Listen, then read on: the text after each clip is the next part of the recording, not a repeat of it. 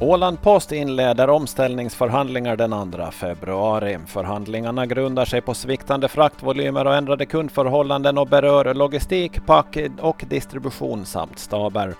Förhandlingarna väntas ta minst två veckor och berör sju till åtta tjänster.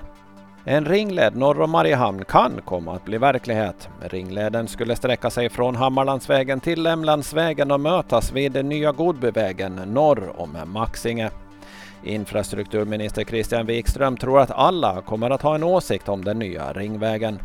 Det blir säkert en politisk kontrovers och dialog för det berör alla och när vi pratar om exploatering av natur och breddning av vägar så är det känsligt på Åland, säger ministern. Landskapsregeringens inställning att hela Åland ska få ta del av intäkterna från vindkraftssatsningarna ligger fast, men man vill inte gå ut med några summor i dagsläget. Att Saltviks kommunstyrelse föreslår att man ska meddela landskapsregeringen att man inte ska godkänna planerna för vindkraftsprojektet Sunnanvind om man inte får ta ut en rejäl fastighetsskatt, det ser vicelantrådet Harry Jansson som ett naturligt sätt att värna om kommunens intäkter. Det här var Ålandsnytt på en minut med Ove Sjöblom.